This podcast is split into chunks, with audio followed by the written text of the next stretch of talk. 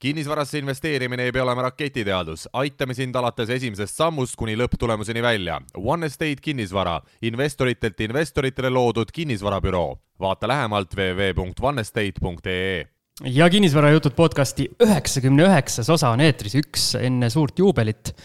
ja endiselt siis laua taga minu nimi Siim Semiskar ja minu kõrval Algis Liblik, tere Algis. tere, Siim ja mis tunne siis on, üheksakümmend üheksa? kuule, kerge värin hakkab sisse tulema juba, et äh, vaata, kui ikka nii suure juubeli lävel oled, noh siis ega nalja ei ole, on ju. Aga mul on sulle küsimus, kuidas sa said meile siia saatesse üldse külalise, sest kes see tahab olla enne suurt sajandat juubelit? no ega ongi, ta tegelikult oli peaaegu et valmis ära minema, sest kui ta kuulis, et ta ei ole sajandas saates, vaid ta on üheksakümne üheksandas, siis ta, see pettumus, aga, aga õnneks me suutsime ta ikka laua taha jätta. Õnneks suutsime, sest see nii-öelda eelinfo, mis minul siin praegu meili peal ees on, siis äh, ütleme nii, et äh, mees vääriks kohta ka seal sajandas saates no just, et äh, Moguliga on tegemist, nii et siis kohe saame kaevata sinna. me siis hoiab siin juba peast kinni vaikselt aga siis äh, olgem ausad, kas meil on esimest korda, kui meil on laua taga kaks Siimu? ei ole, Siim-Sander Vene oli ka. Siim-Sander Vene oli ka, jah. aga Siimudega siis me peame kokku leppima, et kes on kes, et äh, et ähm, nuputame siis. vaatame, aga meil on külas siis ühesõnaga, meil jäi tegelikult. Vaida Siim ja, ja Rapla Siim või?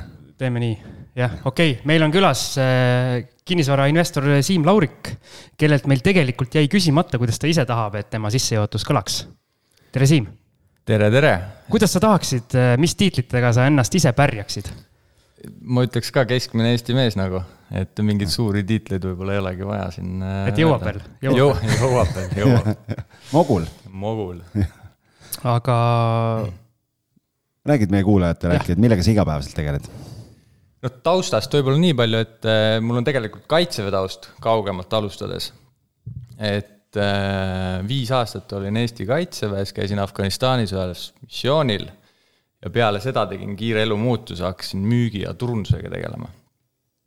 Kuule, ma kohe tahan küsida, et mul ei ole väga palju olnud kokkupuuteid selliste inimestega elus, kes on kuskil missioonil käinud ja nii edasi ja ja tihtipeale, kui vaatad neid äh, mingeid äh, USA filme või sarju, on ju, kus on mingid veteranid, on ju, siis kõikidel on mingid tohutud mingid hingetraumad ja asjad ja värgid, kuidas seal, ma ei tea, parim sõber on kõrval hinge heitnud, et, et räägi nüüd sellest poolest siis, et kui seal missioonil käia, et kui, kui ra, nagu, kui kar, kui karm ja raju see seal siis on ja, ja kui, kui sealt nagu tagasi tulla, et, et tavaellu sulanduda, et kas, kas see on nii raske, nagu seal näidatakse?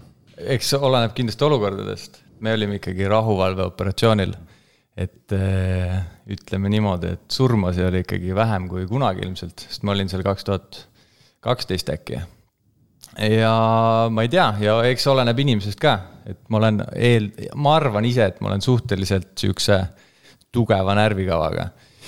et äh, kõik on tehtav, sul peab olema hea sihuke tutvusringkond ja nii-öelda pere, kes toetab aga ma eeldan, et nii-öelda kaitseväes äh, või üldse sõjaväelises õhkkonnas rutiinid ja selline käsuliin ja kõik see nii-öelda peab ülihästi toimima, et kas see rutiinitaluvus ja, ja kõik see asi on sind hiljem nagu kinnisvaras ka aidanud?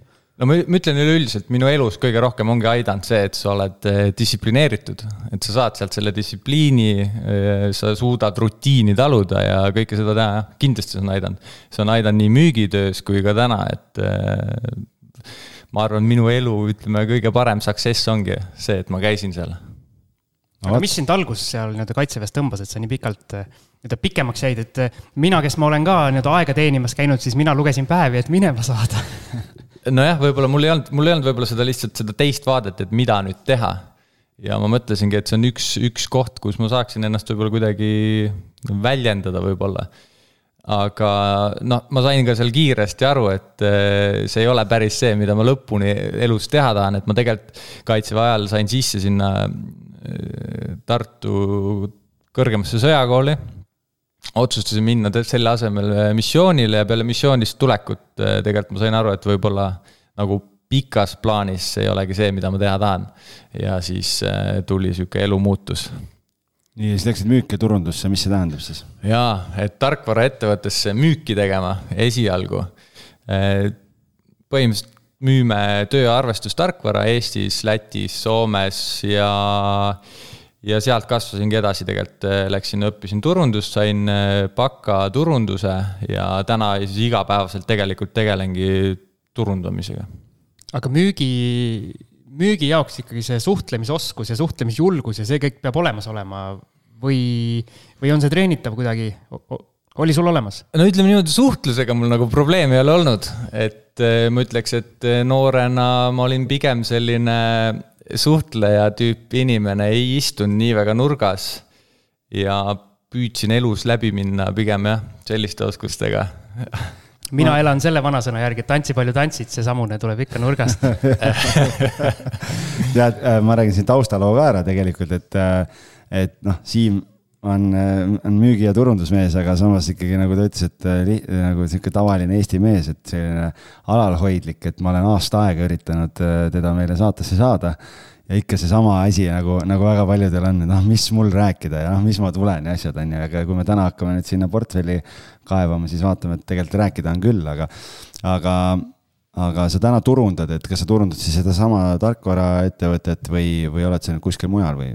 jah, põhirõhk on selle tarkvaraettevõtte peal küll, aga siis omal väiksemad projektid ka siin kõrvalt jooksevad, mis vajavad siis hoolt. Et mul on väike kümblustünniäri näiteks oh., rendin välja kümblustünne ja jah, ja kuhugi maani ju tegelesin korteritega ka ise, näitasin, üritasin neid välja saada ja nii edasi see on ka ju põhimõtteliselt müügi- ja turundustöö sisuliselt, et, et eks ta niimoodi lähebki. aga millal sul see huvi investeerimise vastu tekkis? ma ütlen täiesti ausalt, mul oli sihuke juhus, et mul lihtsalt jäi nagu raha kontole nagu alles. sa ei osanud raha kulutada? jah, ja mingi hetk. kuidas see käib? mis eestlane sa oled selline? see, see kuidagi niimoodi juhtuski, ma nägin, et mul on enne järgmise palga laekumist, mul oli, ma ei tea, viissada eurot kontol siis mõtlesin, noh, et ma olen selline inimene, et kui mul raha kontol on, siis ma kohe paigutan ta ära, ma ostan mingit jama nagu. ja siis mõtlesingi, okei okay,, ma panen ta ära. ja ma mäletan, mul esimene investeering oli Mintoses äh, kakssada eurot äkki. ja aasta oli äkki kaks tuhat viisteist või kaks tuhat kuusteist et sihuke noh, seitse, kuus-seitse aastat tagasi. ühisrahastuse hiilgeajad, jah? jah, täpselt, et Mintost Viino äh, ütleme, esimesed aastad toitsidki, et mitte selles suhtes ei toitnud, aga, aga ütleme, et sealt see, sealt see algus sai, et eh, vaatad, eh, järgmine kuu oli kolmkümmend senti arvel. Ja ma hakkasin vaatama niimoodi, et nii, ma jõudsin mingi viie euroni intressidega. siis vaatasin, okei okay,, see maksab mul telefoniarve ära enam-vähem. siis mingi jõudsin järgmise viiekümne euroni. okei okay,, see maksab mulle, ma ei tea, autokasko ära ja siis ma hakkasin niimoodi seda vaatama, et iga, iga kuu, et nüüd see intress maksab mul midagi ära ja, ja siis üritasingi kogu aeg nagu rohkem ja rohkem ja rohkem ja rohkem sinna suunata. kuidas, kuidas sul täna ühisrahastusega läheb?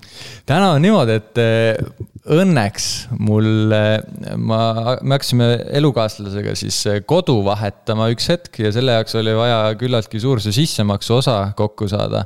et me kolisime nagu linnast välja maale majja ja, ja selle jaoks oligi vaja sissemaksu ja siis me võtsime tegelikult ühisrahastused tühjaks ja see oli täpselt enne seda koroona jama, ehk siis mul jäi sinna mingi tuhat, tuhat viissada eurot jäi kinni, aga noh, sain sealt kerge õppetunni, aga tulin suhteliselt puhta nahaga välja, ütleks.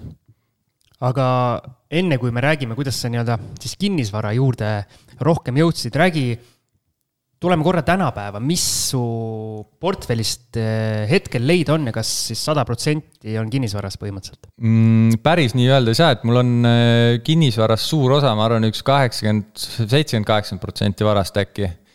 et eh, kolmteist korterit kokku, mis ei ole muidugi kõik sada protsenti minu omad, et osad korterid on äripartneriga siis pooleks. siis lisaks leidub näpuotsaga aktsiaid ja siis peotäiega krüpto, enam ei ole muidugi peotäis, et nüüd on jällegi näpuots, et, et. see muutub päris kiiresti. neli sõrme on ära kadunud. jah, jah, et niimoodi ta käib, et aga jah, ütleme, põhirõhk on ikkagi kinnisvaral äh, ja seal toimetamisel. aga kuidas sa jõudsid selle kinnisvara asja juurde?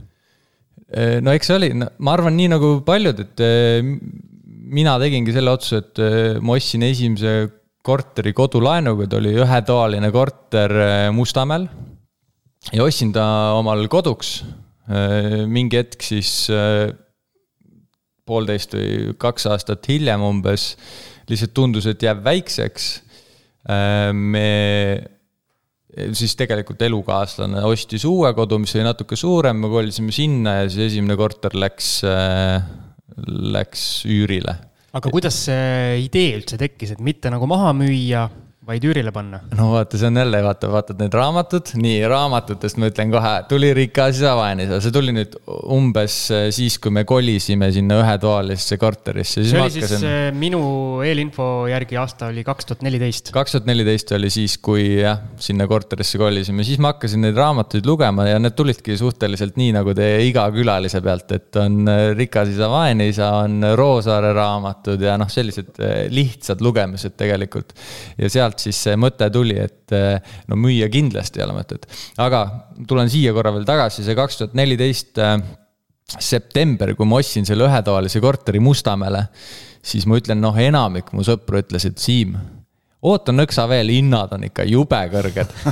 et sellest on nüüd seitse aastat, kaheksa aastat möödas. osa ikka no, ootavad veel? osad ootavad, mul on see Mustamäe korter juba oma raha põhimõtteliselt tagasi toonud, pluss ta on väärtuses kaks korda tõusnud mul on siin hinnaks kirja pannud, et sa ostsid neljakümne kahega. neljakümne kahe tuhandega siis.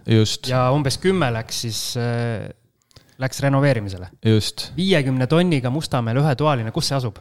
Äh, ta on äh, Sõpruse puiesteel äh, selle kõrgkooli lähedal, mis seal on, tehnika, mis iganes kõrgkool seal on.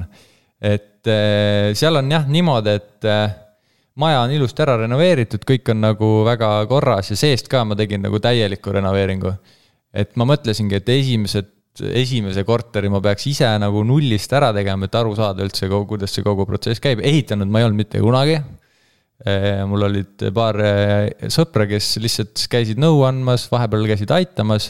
vahepeal käisid naermas.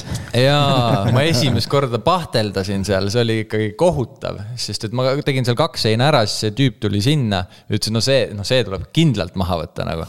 sest mul ei olnud, noh, Youtube'ist vaatasin natuke, aga mingit teadmisi otseselt ei olnud nagu vot ja, ja selle, selline ongi see esimese korteri lugu, ma ütleks, et kodulaen ja rõõmsalt siiamaani maksan selle kodulaenu sada viiskümmend eurot kuus enam-vähem ja ongi kogu, kogu moos sellega. ja kui palju seal sul neid üürnikke läbi käinud on selle aja jooksul? no üks, ma arvan, üks viis tükki ikka, seal on umbes aasta-poolteist, no okei okay,, poolteist aastat on umbes hetkel olnud, et üürniku vahetuse aeg ja mis see üürisumma praegu Mustamäel ühetoalisel on? null neli pool sada on sihuke täiesti okei okay,, mida küsida. normaalne. täiesti hea. nelisada viiskümmend tundub väga, väga okei okay.. jah aga mis sa neile sõpradele siis öelnud oled, kes sulle ütlesid, et kuule, oota, et saad, saad hiljem odavamalt? nojah, ega, ega mis seal ikka öelda, ega nad ootavadki ja, ja mõni on neist teinud sammu ära mingid aastad hiljem ja kallimalt ostnud, eks nad saavad nüüd ise aru ka sellest, ei ole midagi teha aga siis te kolisite elukaaslasega, ma saan aru, ühe korra veel ja?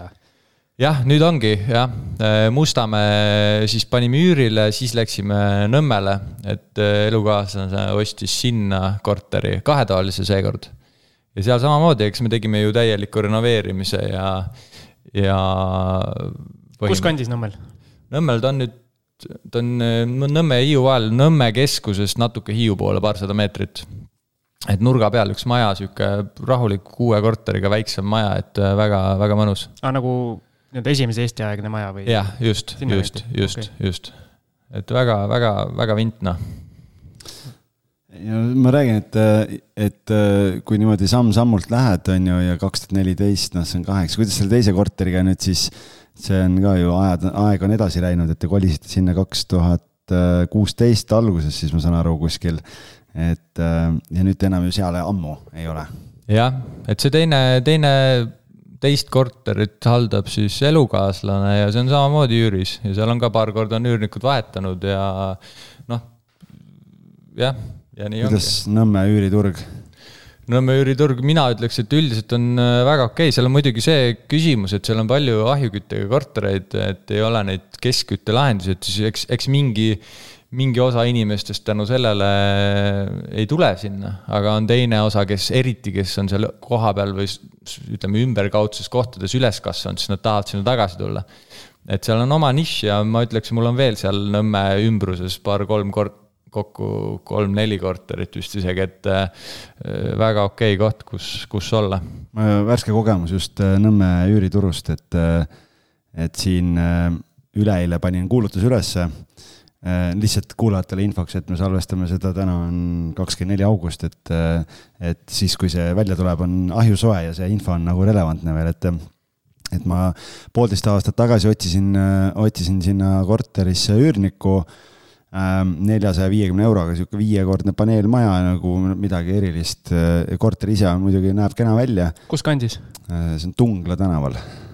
ma vist tean isegi. jah, et ja, ja siis ähm, neljasaja viiekümnega poolteist aastat tagasi otsisin, kommunaalid mõistlikud, midagi hullu ei olnud, aga no ei olnud väga lihtne leida kuidagi, et kuigi Nõmmel on nagu üüripakkumisi suhteliselt vähe kogu aeg.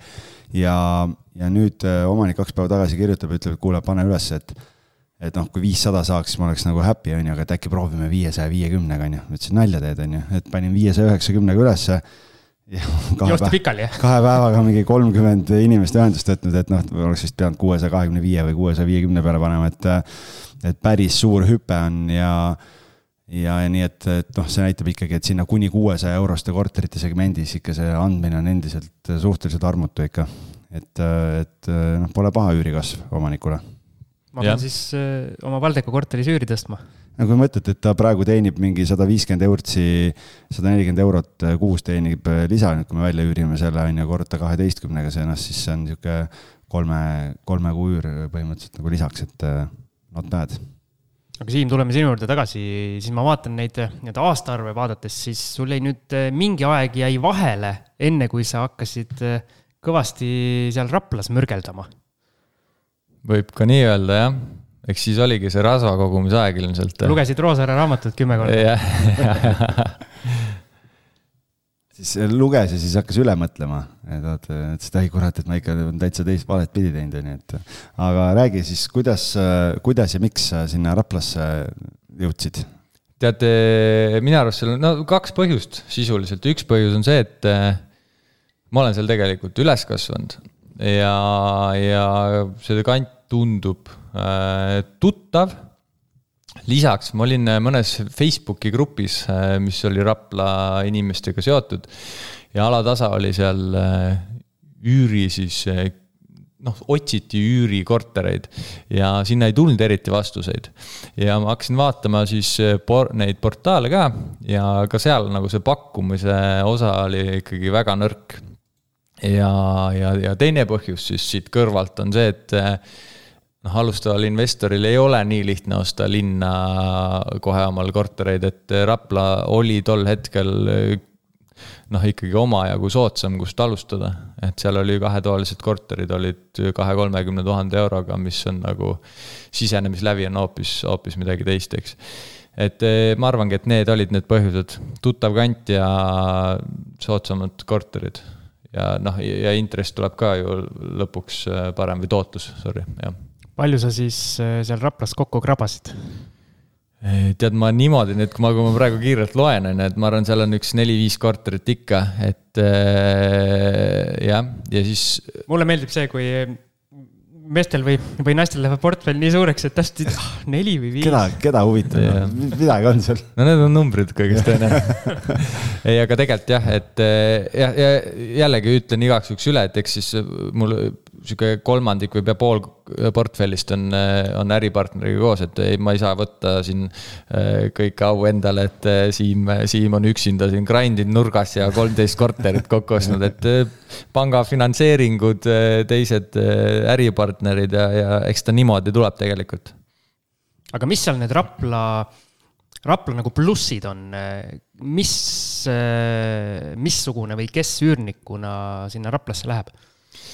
No vot, plussid on need, et on soodsam, on ju, ja see osa, aga, aga üürnik, kes seal on, seal on tegelikult eh, noored pered, et eh, kes siis eh, kolivad kokku. et paljud tegelikult ongi, et nagu minagi, et peale kooli lähed Raplast ära ja tegelikult sa tuled mingi hetk tagasi oma nii-öelda kodukohta. ja, ja täna on näha see, et inimesed tulevad sinna tagasi, noored tulevad tagasi, Rapla on ikkagi ju keskus ja ta on meil linn. et, et ta ei ole see Assa valla või mis teil siin läbi käib, on ju. kuule, kuule, kuule. et jaa, et inimesed tulevad sinna ja ma arvan, et see ongi nagu see koht, et Tallinnaga on mega hea ühendus, sõidad kolmveerand tunniga siia mul on äh, üürnikke, kes käivadki igapäevaselt Tallinnas, Tallinnas tööl. et nad istuvad rongi peal, hommikul saavad juba hakata toimetama mingeid asju, nad ei pea autoga sõitma. ja on ülimugav, et äh, ma arvan, see ongi see pluss.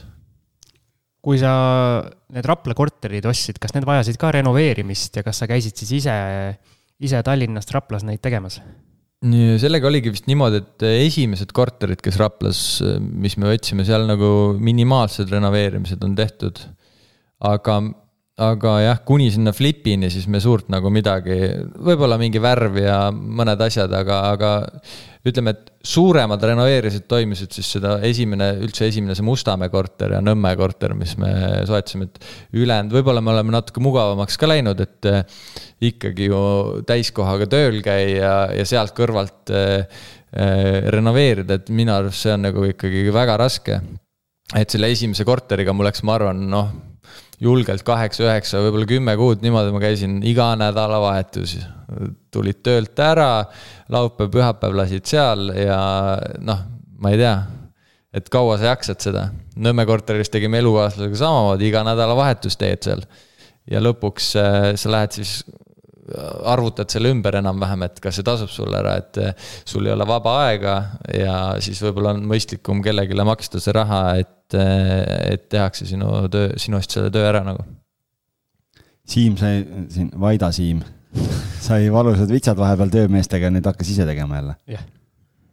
mida sa, ei saa usaldada. elu õpetab ei, me ja Eikiga seda Jüri korterit teeme, siis mõlemal on äh, värsked nii-öelda töömehe, töömehe haavad on saame arutada seal jah. kahekesi kassiti seal kurdate, väga hea. siin. tegite klubi? jah, aga on ka häid, häid ehitajaid, on ju? kindlasti on.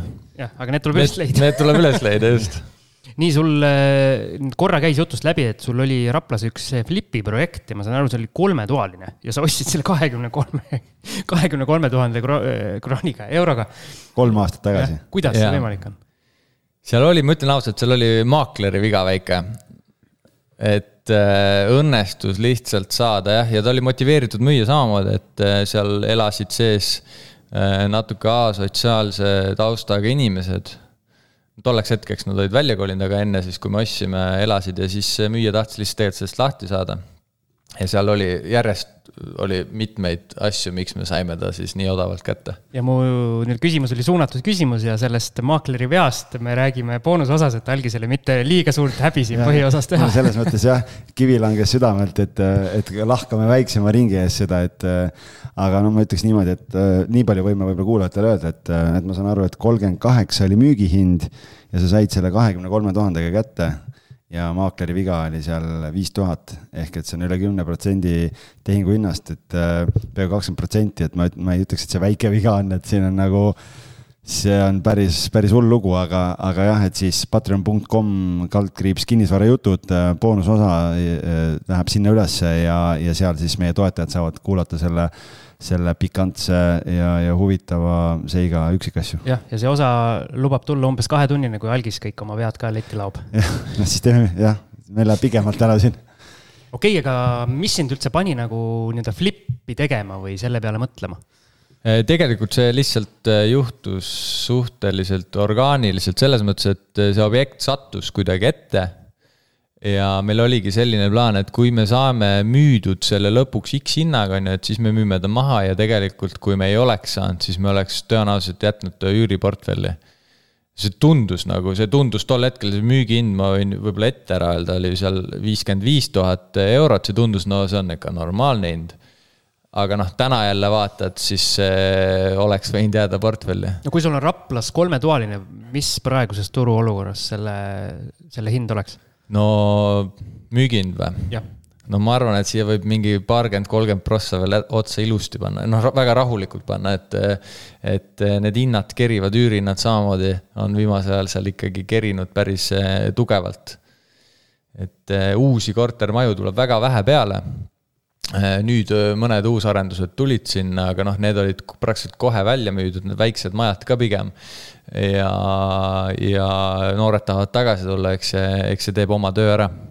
ehk siis eh, kakskümmend kolm tuhat oli ostuhind, ma saan aru, viisteist tuhat mul siin andmetes on, oli renoveerimise hind ja. ehk siis sinu kogu investeering koos remondiga tegelikult oli see, mida, mis alguses oli selle pakkumise, noh, küsimishind, müügihind. jah. päris hästi võiks küll nii öelda, jah rohkem pole näinud mõnda sellist maaklerit ei ole. no selle või sellele samale maaklerile helistanud, et kuule, et kui sul midagi head tuleb, et äh, anna mulle teada.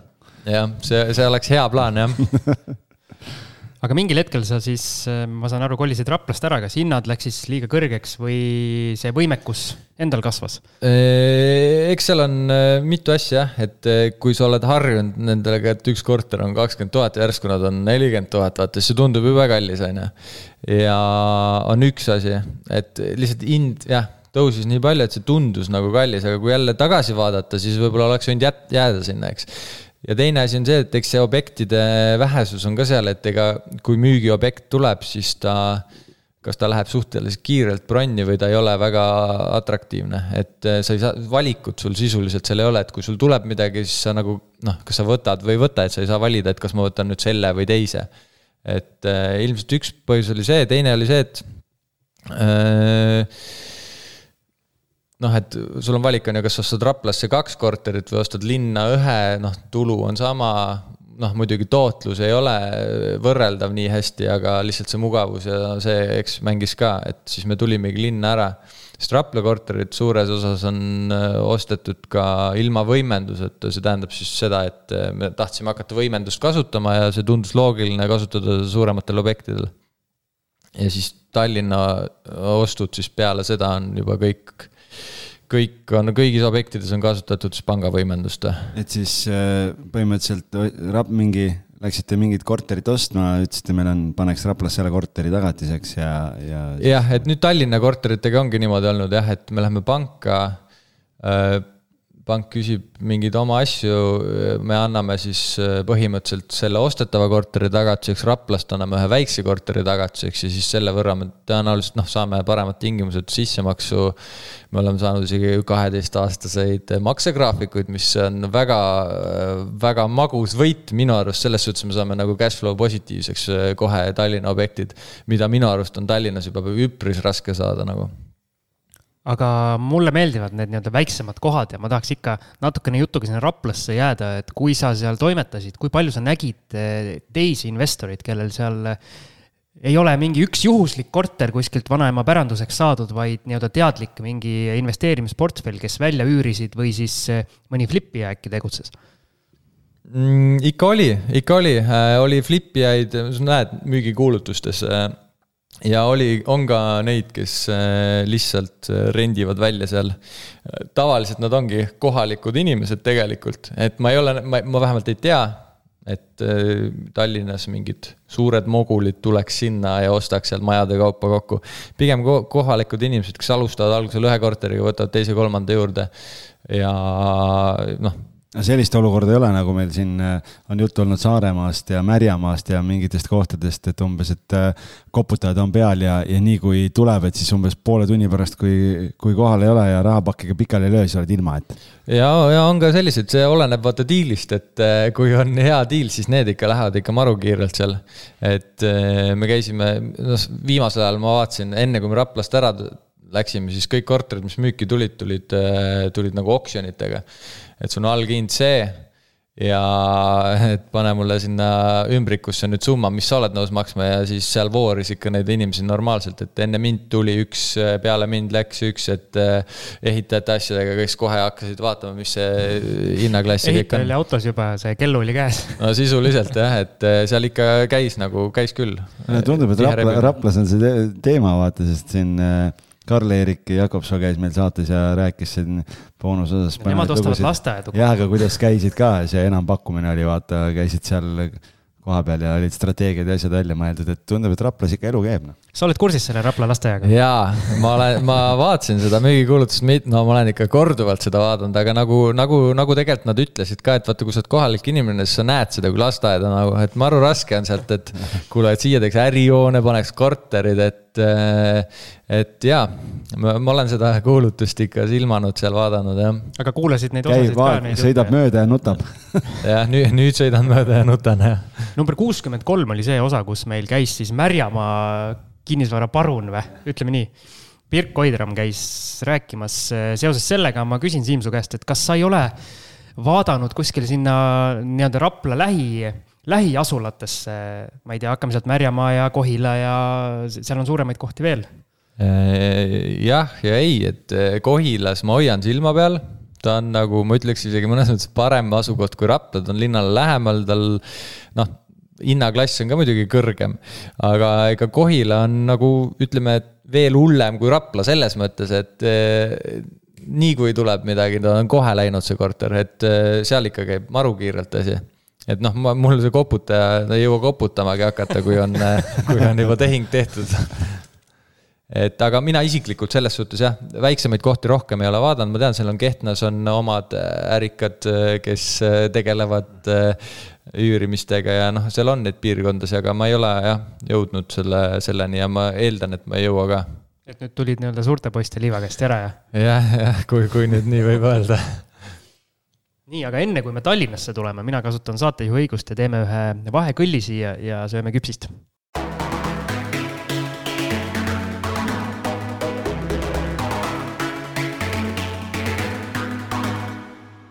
Nii, oleme pausilt tagasi, küpsised otsa päris ei saanud, aga algisel on suu punnis.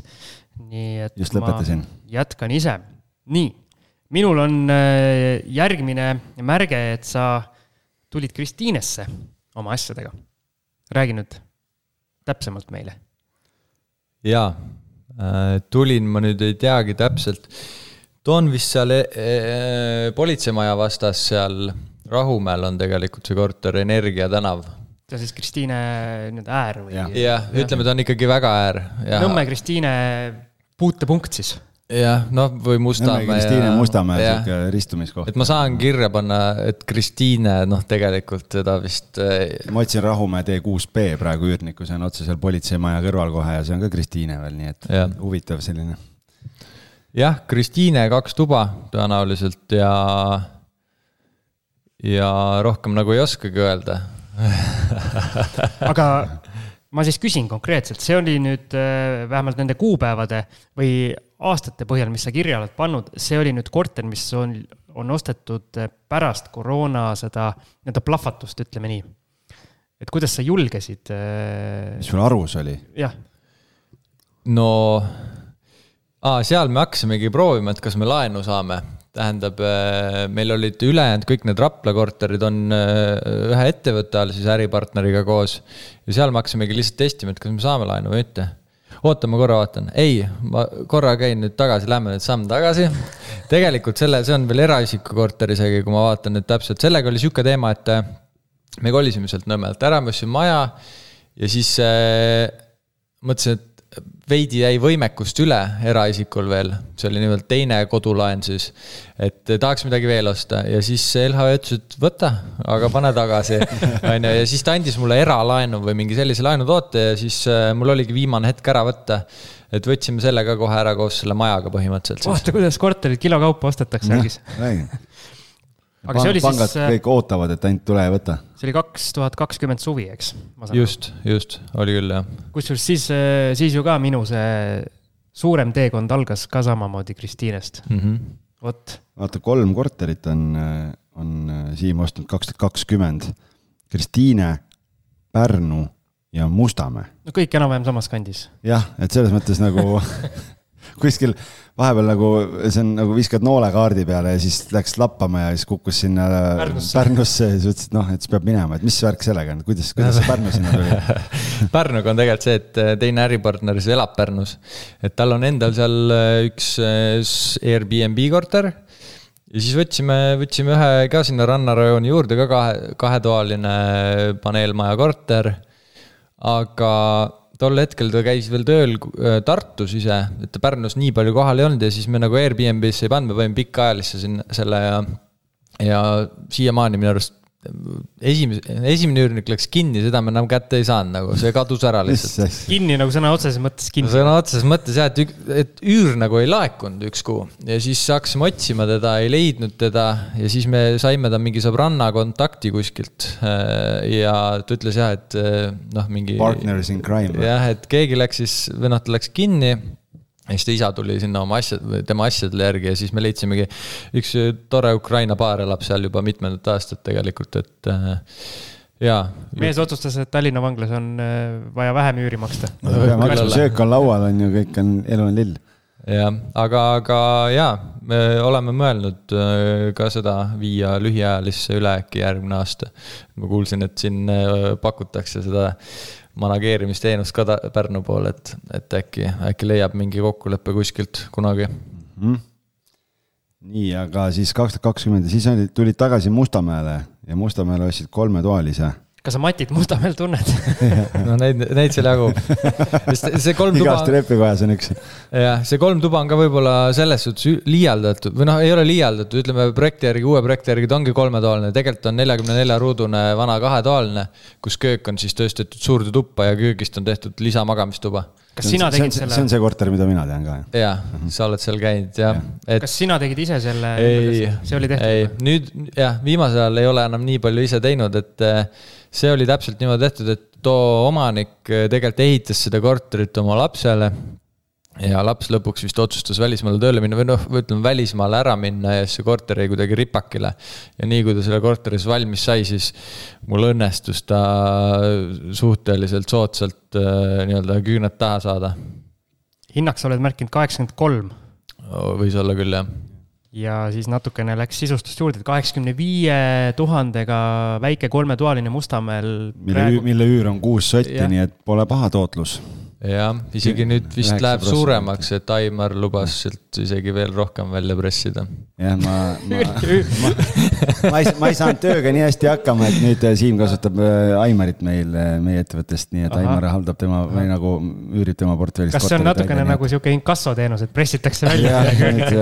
tundub, et Aimaril õnnestub paremini neid üüre tõsta, nii et, et järjest siin erinevatel korteritel. kas Aimar on sinu enda see jõuline Gennadi või? jah, ja, ja, ja okei, okei, lähme edasi või? räägime veel sellest väljapressimise kui nüüd üür veel tõuseb, noh siis juba hakkab sinna kümnele prossule lähenema see rahava baasil tootlus, nii et, et arvestades, et seal on mingi võimendus ka veel, ma saan aru, juures, et siis omakapitali tootlus on ju päris hea.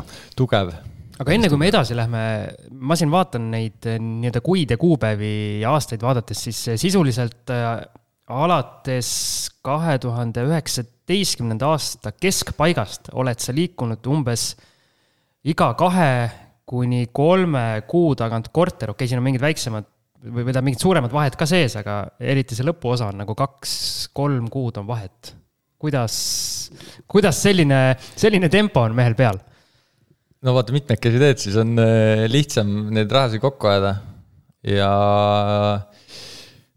no eks me teeme tööd jah, teenime sealt ka raha, et äh, kui palju see kinnisvaraturul nagu see väärtuse kasv on kaasa aidanud, et olete hinnanud ümber ka oma portfelli väärtused ja olete saanud sealt nii-öelda täiendavat kapitali pangalt juurde või? Äh, jah, täiendavat kapitali ei ole saanud, me oleme jah, ütleme bilansi mõttes me oleme neid ümber hinnanud, et eks see annab meile seda, et pangad on võib-olla nõus natuke rohkem äh, investeerima meisse.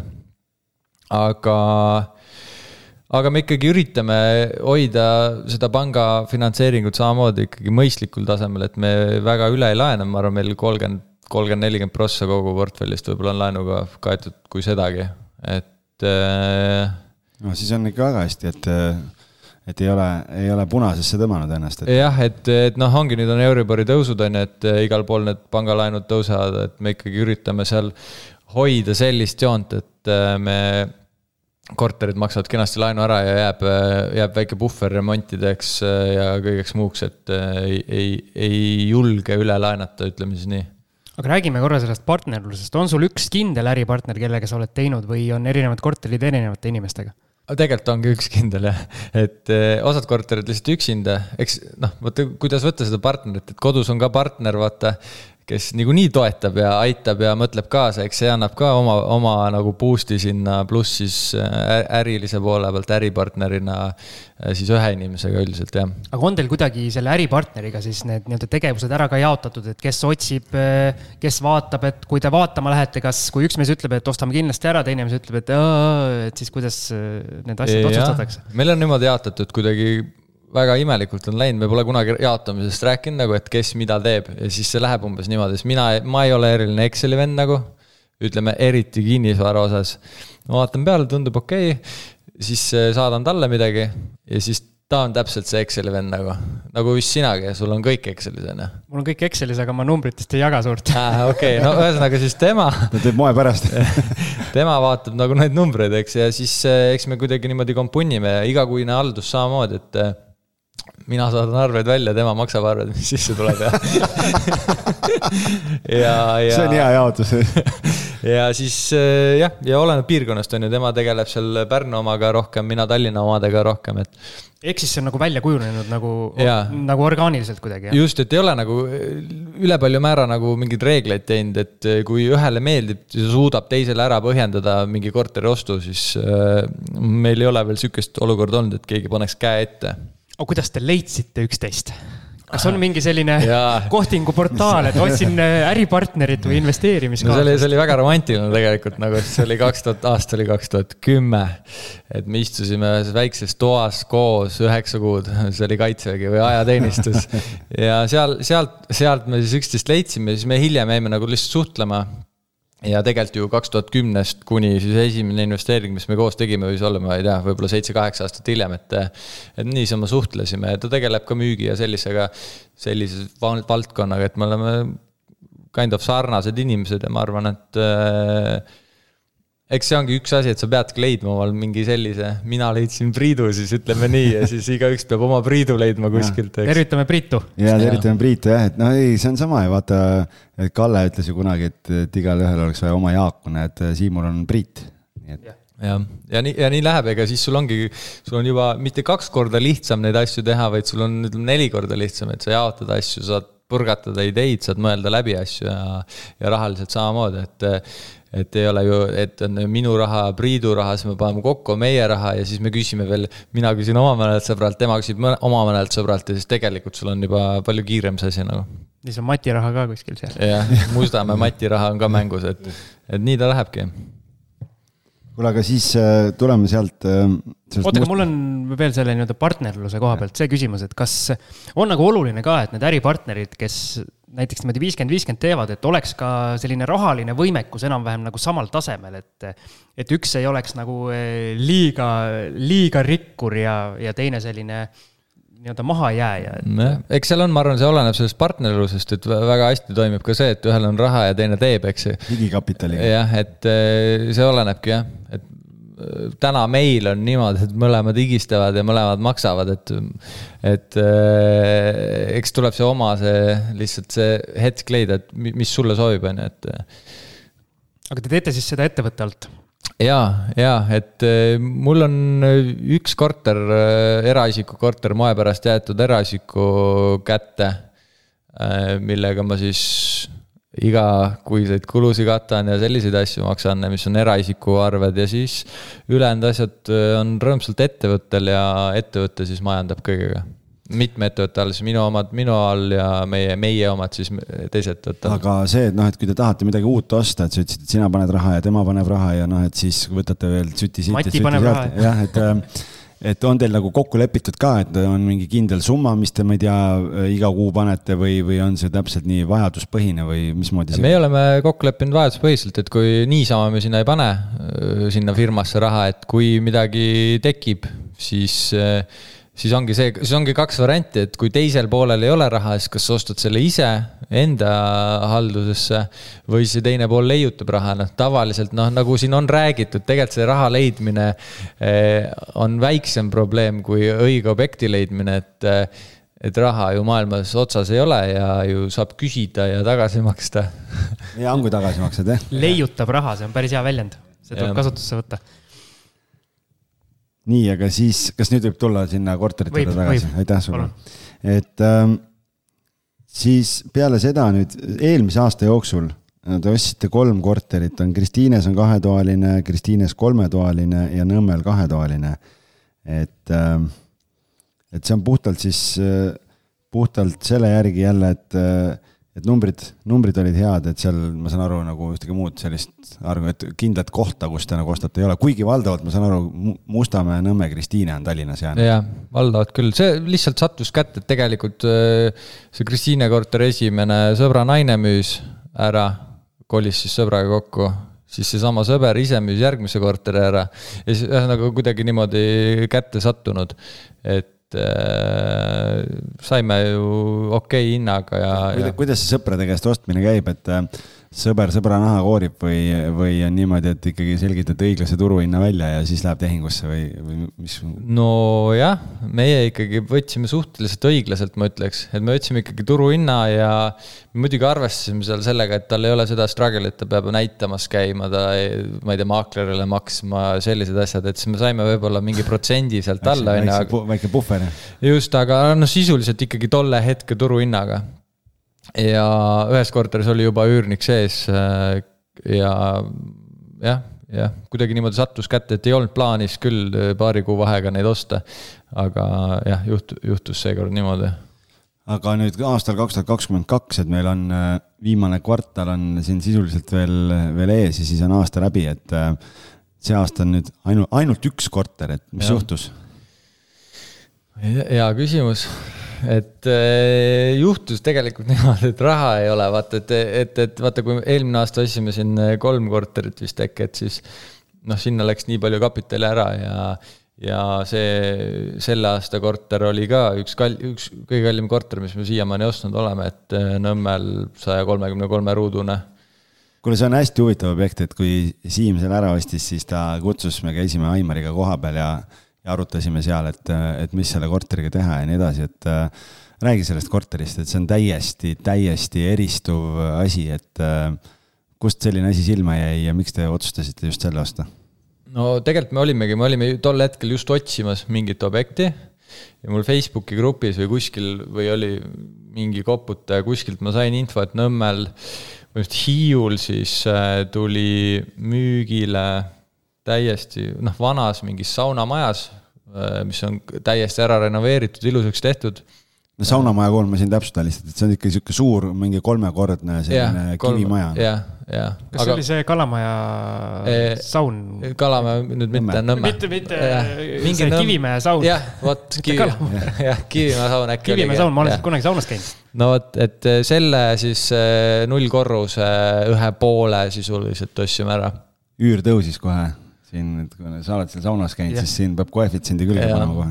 et, et seal oli, praegu elas sees siis üksik mees ja tal naine vist ei olnud nõus sinna kolima mingitel põhjustel ja me tegime seda korterit nüüd natuke ümber, tegime ta kolme to,, kolmetoaliseks ja nüüd siis äh, Algi see, see äh, väljapressija üritab siis välja anda selle maksimaalse. tervitame Aimarit siin et, äh, et me tegelikult jah, käisime seal kohapeal just arutasimegi noh, et mis see kõige kõige optimaalsem lahendus seal nagu oleks, et ta, et ta oleks nii-öelda võimalikult laia sihtrühma kõnetaks, kes seda üürida tahaks, pluss et, et saaks nagu võimalikult palju raha küsida ka ja, ja et kui kunagi müüa näiteks või midagi, noh, et see likviidsuse pool nagu ja noh, see on tõesti suur ja eristuv, et noh, sihuke suur tantsusaal nagu ja, ja noh, päevavalgust võib-olla on äh, nagu vähem äh, kui tavaliselt. sain ma õigesti aru, see on see nii-öelda sokkel või? jah, jah aga noh, et ta on nagu, ta, seal on sihuke pikk aknariba on, et iseenesest nagu valgust on, aga ta on ikkagi üsna sügaval. et see võib-olla paljude jaoks emotsionaalselt võib olla nagu nii ostmise puhul kui üürimise puhul selline mm. emotsionaalne takistus. no tänases olukorras muidugi nagu pommivariandi eest samas. jah, me samas naersime jah, et paneme kuulutusse kirja võib-olla, et noh, et üürida pommivariant, et äh, aga aga, aga tegelikult nagu ja ma saan aru, et noh, ma ootan huviga nüüd neid pilte et, et me seal arutasime mingeid variante, et kuidas see magamistoosa sinna teha ja asjad ja, ja vähemalt siin enne nii-öelda, kui mikrofonid kinni olid, siis Siim rääkis ja sai üsna praktiliselt lahendatud, nii et et äh, täitsa äge ja noh, sul on siin pandud, et võib-olla umbes tuhat on üür, noh, ma ütleks, et ma arvan, et on rohkem ikka. ühesõnaga, ma sain aru, et sa nagu paljud teised meie külalised aastal kaks tuhat kakskümmend kaks tuleb ise see tehing enda jaoks leida või see hea objekt nagu. jah, et hinnad on ju noh, nagu nad on ja selle korteri või äripinna või mitte eluruumi noh, me tahaks saada ikka mingi vähemalt kümne, kümme prossa tootlust sealt, nii et. noh, samas jah, kui tuhat euri on üür, ma ei tea, palju te sinna sisse nüüd panite, aga noh, siis ta enam-vähem sinna kümne, kümne kanti nagu tiksubki, et äh, näed, Siim, Vaida Siim, on Tallinnas võimalus kümnet prossu ka saada aastal kaks tuhat kakskümmend kaks. Ja, ja omakapitali tootlus siis. nojah, aga seal sa pead olema kuskil sala Facebooki grupis, kus tulevad ainult need head asjad. No vot. On nii või? sa pead, äh, te pead, Siimut pead sõbraks saama omavahel Facebookis, võib-olla siis hakkab sulle ka tilkuma seda väärt infot. ma ei usu. Kõik äh, need mogulid äh, haaravad kõik enne ära. Kuule, aga Siim, on sul küsimusi veel portfelli osas praegu? Võib-olla tuleb, aga okay. sa võid edasi minna. ja ma tahtsin küsida lihtsalt, et, et selle nagu halduspoole pealt, et noh, et sul on Tallinn Tallinnas ka erinevad piirkonnad, siis sul on Rapla ja noh, okei okay,, jätame see Pärnu kõrvale, ma saan aru, et äripartner on sealt pärit ja, ja, ja manageerib seda, aga et et see portfell on ikkagi juba päris suur, et kui palju sul igakuiselt nagu aega võtab selle haldamine ja, ja kuidas sa seda ära manageerid? tead, sellega oligi niimoodi, et ma arvan, selle aasta alguse või eelmise, ütleme keskpaigani ma ju ise andsin neid üürile ja tegin kogu seda asja aga siis mul tuli nagu geniaalse idee peale, et annaks algisele need asjad üle mm. nagu ja, ja ma ütlen ja jälle ma.... Vaida Siim, õpi, näed, on tarku inimesi olemas maailmas. ja ma ütlen ausalt, et noh, ma nagu kahetsen päris, nagu päris südamest, ma kahetsen, et ma ei teinud seda varem. kahetsen, et ma seda varem ei teinud. selles suhtes, et see oli nagu, sa paned selle oma aja sinna, nagu sa käid ja näitad ja vaidled ja mõtled samas keegi teeb selle sinu eest ära ja sa selle eest ei maksa, nagu see on nagu tundub no-brainer. eks, et, et täna ongi niimoodi jah, et äh, mina teen üürnikele arveid, ma kasutan samamoodi seda Bidrento tarkvara. võtab väga vähe aega, kõik kuluarved lähevad ka automaatselt Bidrentosse, Bidrento paneb nad arvele. geniaalne, siis äh, üürnikke otsib äh,. Aimar. Aimar. praegu jah, et ma andsin, andsin selle, kuna on Rapla korterid ka ja, ja Aimar on äh, ka Rapla mees, siis. algis pole nii kaugele sõitnud kunagi noh, lihtsalt äh, see ei ole efektiivne, et kui Aimar on seal kohapeal, siis, siis käib naks ja tehtud, et. jah, ja, ja ega mis seal muu haldus on, ega üürnikud kirjutavad, siis äh, vastame mina või Priit, ega ega käib ka suht orgaaniliselt, et eh, kui Priidul on mingi objektiga seal parasjagu käed täis, siis eh, vastan mina ja, ja vastupidi. ütle nüüd ausalt, sul on päris suur eh, üüriportfell, ütle ausalt, et kui palju on üürnik reede hilisõhtul kirjutanud, et WC on umbes? mitte ühtegi.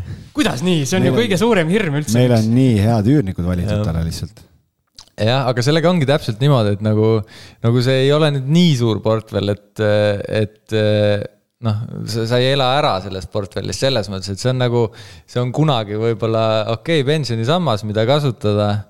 ja, ja see kolmteist korterit, noh, kui vaatad seda, et siin on mingi, mingi osa on äripartneriga, põmdi, tahab raha, sinna läheb pangalaenud, Rapla korterid, et need tükkide arvu järgi tundub nagu jube palju, aga, aga no. nagu. WC-pott on ikka kolmteist. WC-pott on kolmteist, see, see on tõsi, see on tõsi, ühtegi korda probleemi pole olnud ja. tal ei ole korterites WC-potti, sellepärast on seda vaja. auk. õues puu taga, palun. jah, et ei ole jah probleemi olnud, et eks ikka kellelgi on mingi vool ära läinud kuskilt ja, ja on kirjutatud ja ma olen käinud nädalavahetuseti või õhtuti seal kohapeal ka, aga see ei ole nagu probleem, miks mitte tegeleda kinnisvaraga. Kuule, aga sa enne põgusalt rääkisime sellest ühest korterist, kus siin notaris sai, sai suure võidu tänu, tänu siin maakleri eksimusele, aga et noh, kuna sa ikkagi päris arvestatava aja ju tegelesid ise igasuguste noh, üürnike leidmisega ja asjadega, et on sul mingeid äh, põnevaid äh, mälestusi veel siin, ma ei tea, kas objektide vaatamas käimisest või üürnike valimisest või, või on sul üürnike, üürnit, üürnikega siis mingeid selliseid äh, seiklusi, mida mm. meie kuulajatega jagada? no pole võib-olla, ma ütlen, et noh, ma, ma olen võib-olla saanud suhteliselt äh, nagu selles suhtes libedalt läbi, et ei ole nagu väga suuri probleeme olnud. et pigem on äh, noh, üks inimene, kes läks äh, vangimajja, eks, et see oli sihuke üllatav võib-olla ja pole nagu väga suuri ämbreid olnud et on ju igasuguseid inimesi läbi käinud, aga, aga ma ütlen, et nagu rahaliselt ei ole väga palju kaotanud ja nagu närve ka ei ole võib-olla liiga palju läinud, et äh, on läinud, ütleme siis hästi laias laastus, et, et võib-olla ma oleks õnnelikum tegelikult, kui ma saaks need vitsad, oleks saanud juba võib-olla no varem kätte. väiksemate üüridega, väiksemate summadega, väiksemate korteritega. Et mida kaugemale see läheb, seda suurem võib see potentsiaalne esimene vits olla mis see edasine strateegia nüüd on, et sa ütlesid ise ka, et noh, tüki mõistes on nagu kortereid ju palju, aga kas on mingit sellist äh, optimeerimise mingi plaani ka või asju, et kui nagu või täiesti panete orgaaniliselt ja nagu väga palju ei mõtle selle peale? ei tea, täna, täna noh, vaata, meil ei ole nagu mingit otsest sihukest, äh, ma ei tea business rules, et kui me sinna. ei ole tehtud missiooni seda. ja visiooni ja asju ei ole jah et.... mitte nagu naistel siit eelmisest osast, et kümme korterit ja. jah, et ei, ei ole jah seda, et tuleb suhteliselt orgaaniliselt ja pole mõelnud ka eriti optimeerimise peale või ütleme, et ütleme, Raplas müüd maha viis tükki, ostad linna kolm uut, et ei ole, ei ole seda täna mõelnud, et et vaatame, kuidas, kuidas liigub ja otsustame siis käigu pealt aga sul mingid plaanid ikkagi on, sellepärast et sa mulle siin saatsid paar linki äh, siin enne puhkusele minekut Messengeri, mida me ei ole jõudnud veel arutada, nii et äh,, et ma saan aru, et sa ikkagi vaatad aktiivselt turul ringi.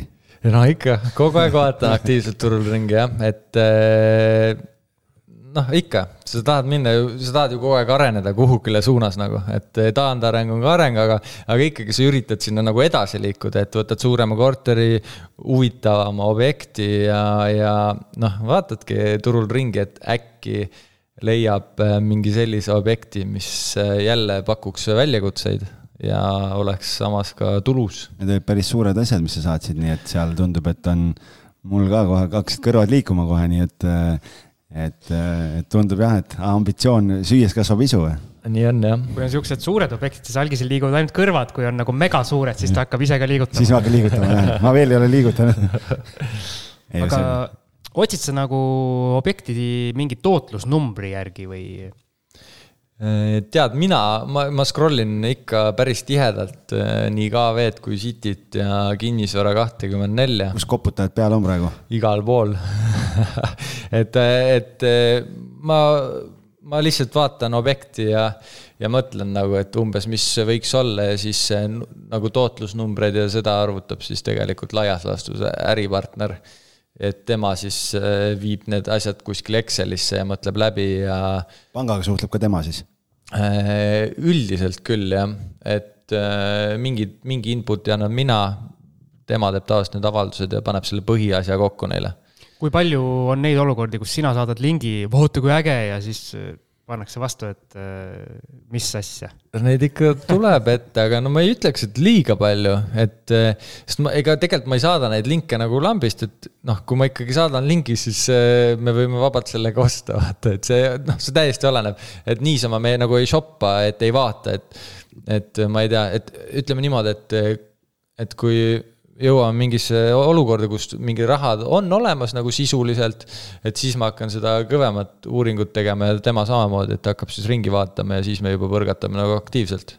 ja tavaliselt need ostud tulevad ikkagi suhteliselt kiirelt, et, et kui meil on ma ei tea, mingi, mingi X amount of raha koos, siis see tuleb ju ära paigutada, et vaata, et täna, et kakskümmend prossa on äh, inflatsioon, eks, et siis ei taha hoida ju kontol midagi ja teine asi, et sa hakkad kohe raiskama, nagu mul on mingi, ma hakkan kohe mingeid asju ostma nagu.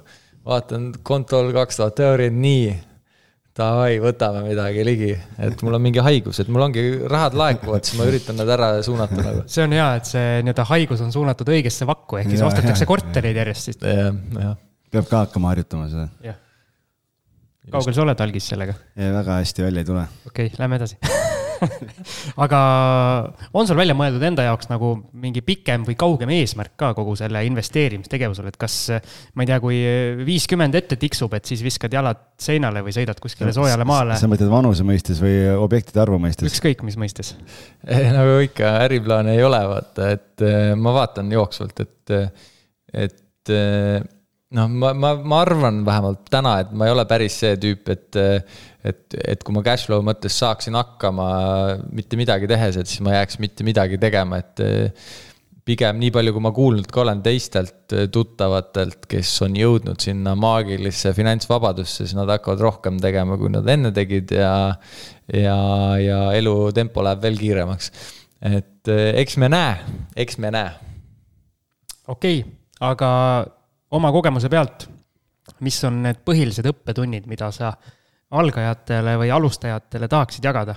on sul midagi nagu kogu selle teekonna pealt välja settinud, midagi väga konkreetset?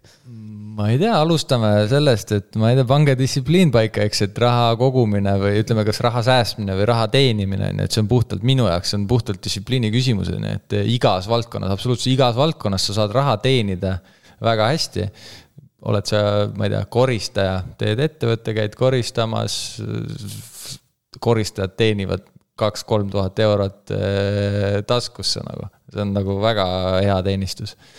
Äh, distsipliini küsimus, ma ütleks, see on nagu kõige alus, üldse kõige alus. elus kõigi asjade, mitte ainult investeerimises, vaid kõigis asjades sul peab distsipliin paigas olema, siis sa jõuad nagu kaugele, ükskõik mida sa teed. Ja hakkad, hakkad vaik-, väikselt ja lähed suuremaks, nagu võtad ühe korteri, elad seal, kolid välja, võtad järgmise, elad seal, kolid välja. ja pangad ju finantseerivad seda väga okei tingimustega nagu Algis, sulle ma jätan meie kõige kuulsama lõpuküsimuse. jaa, mulle meeldib seda küsida, et, äh, et mida sa soovitaksid neile, kes praegu kuulavad ja, ja mõtlevadki, et okei okay,, et noh, säästa ja koguda ja tööd teha, aga. seda ma oskan, aga, aga. jah, aga mis ma veel pean tegema?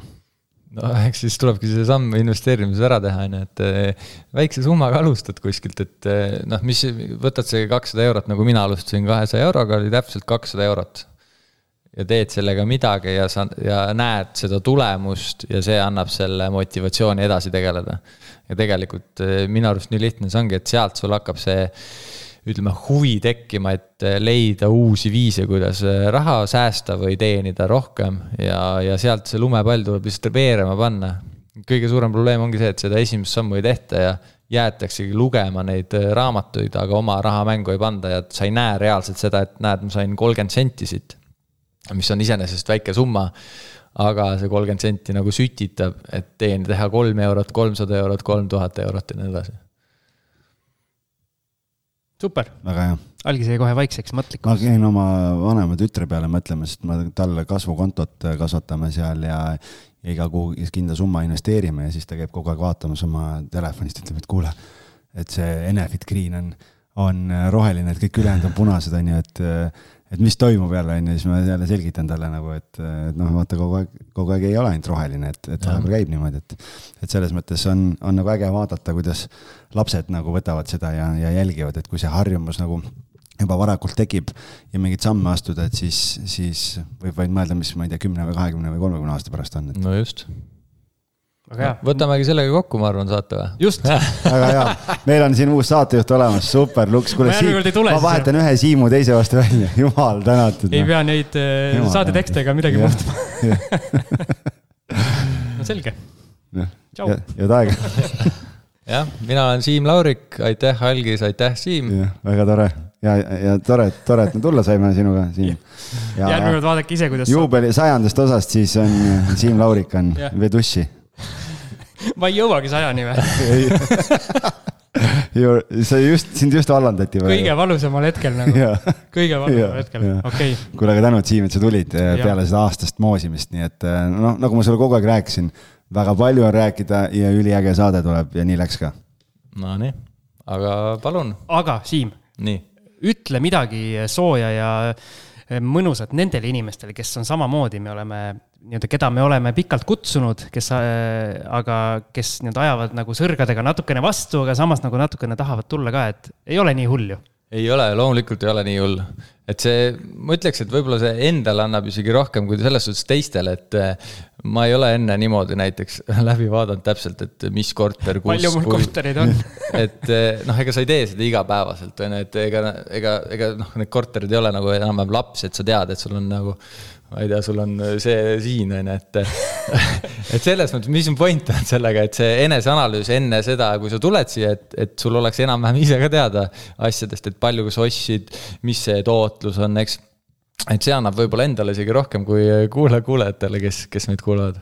päris mõnusad emotsioonid vist saab, kui saad vaadata, et neljakümne tonniga Mustamäel ja kahekümne yeah. tonniga Raplas yeah. kunagi ostetud ja. ma ei tea, kui hea see emotsioon on, kui praegu Hindu vaatad ja võrdled, et siis, siis. ei, aga sul on äh, nii-öelda need tuvid on käes. noh, selles mõttes jah, et mõtled, et nagu õigel ajal sai õiged otsused tehtud.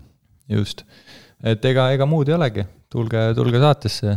ise ju kuulan ka ju, et oleks vaja nagu rohkem külalisi ja juurde. no vot, näed, ja siis saategi tulla ja Siim Laurik äh, võtab ja. kõik. võtab kõik vastu kuule, ei lase lahti, ma ei luba.